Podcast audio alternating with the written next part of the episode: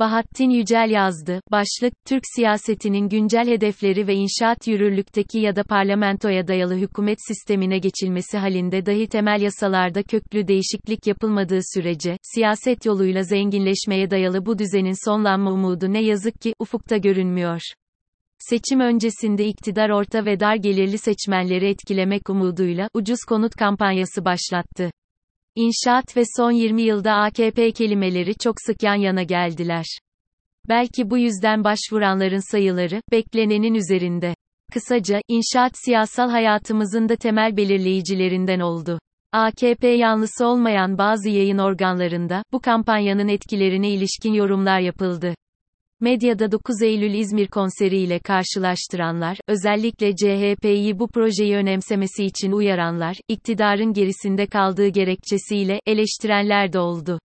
Altılı masada bir araya gelen liderler, seçimlerden sonra yapılacaklara ilişkin somut bir programı kamuoyu ile paylaşmadıkları sürece, eleştirilerin adaylık üzerinden süreceği anlaşılıyor. Seçmeni doğrudan etkileyecek konu ekonomi olsa da, muhalefet bu aşamada stratejik ağırlık merkezini siyasal eksende kurmakta ısrarlı. Barış olgusunun sahiplenilmesi, merkezin görece daha sağındaki seçmeni de dikkate alarak geniş bir sivil cephe oluşturulması, kuşkusuz AKP'nin amaçladığı gerginliği bir yere kadar önleyecektir. Ancak yaşadığımız coğrafyadaki gelişmeler hayli farklı. Çevremiz ve dünyada hızla gelişen siyasal kriz, Türkiye'nin geleceğe ilişkin kararları alırken bölgedeki dengeleri gözetmesini kaçınılmaz hale getiriyor. Millet İttifakı dış politika yaklaşımını, dünyadaki değişimi, Orta Doğu'da siyasal sınırların yeniden çizildiğini, Rusya ile ABD güdümündeki AB arasında yaşanan gerginliğin, Ukrayna'nın doğu bölgesi kadar belki daha fazla Çin'in ticaret yollarını denetim altına almayı amaçladığını hesaplayarak geliştirmek zorunda. Suriyeli sığınmacıların AB'den sağlanan maddi kaynakların, Afganistan ve Pakistan'dan gelenlerin ise ABD ile varılan bir mutabakatın sonucu olduğu ortada.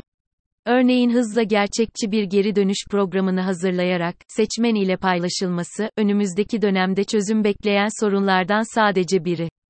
Sırada yüzlercesi var. Millet İttifakı, köktenci ve kalıcı çözümler önererek, Türkiye'nin geleceğini sağlam temellere oturtacağına seçmenleri ikna etmek zorunda.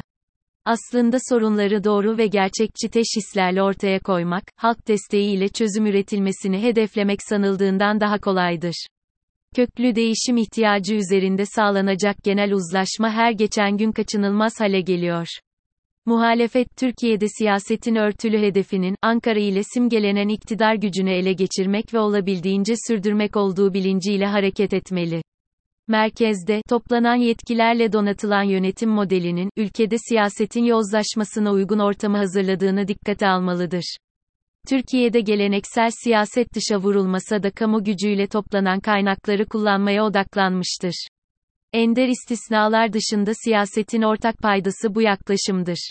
Üstelik kamu kaynaklarının belirli çıkar gruplarının yararları doğrultusunda kullanılması, AKP'ye özgü ve bu parti iktidarıyla başlamış bir olgu da değildir belirli oy oranlarına ulaşan farklı çizgilerdeki partilerin, son tahlilde Ankara'yı bir başka deyişle, kaynak yönetimini ele geçirmek üzere yapılandıkları, herkesin bildiği sırlar arasındadır.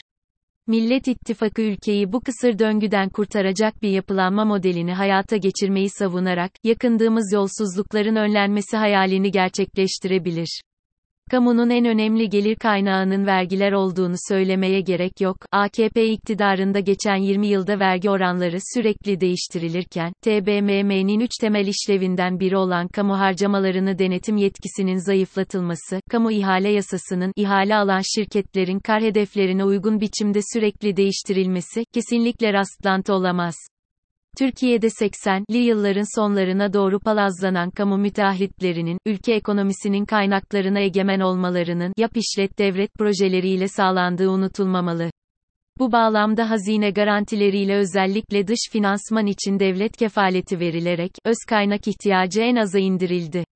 Sonuçta inanılmaz büyüklükte servet transferi yapıldı. Muhalefet her gün ortaya çıkarılan yolsuzluk haberleriyle yetinerek, ülkeyi bu sarmaldan kurtaramaz.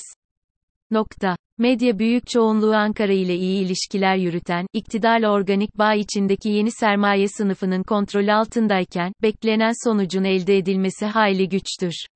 Ancak tek neden olarak gösterilen, iktidarın medya üzerindeki baskılarının, seçmenle iletişimi engellendiği iddiaları, tepkisizliği açıklamakta yetersiz kalıyor. Muhalefetteki partilerin il ve ilçe örgütlerinin bu konuların üzerine giderek, seçmenleri aydınlatma ve uyarmakta, daha etkin olmaları giderek kaçınılmaz hale geliyor. Türkiye'nin geleceğini tasarlayacak bir programı tartışmak yerine, kişiler üzerinden yürütülen siyasal iletişim umulan başarıyı engellerken, iktidarın içine düştüğü açmazı bir ölçüde gizliyor. Yürürlükteki ya da parlamentoya dayalı hükümet sistemine geçilmesi halinde dahi temel yasalarda köklü değişiklik yapılmadığı sürece, siyaset yoluyla zenginleşmeye dayalı bu düzenin sonlanma umudu ne yazık ki, ufukta görünmüyor.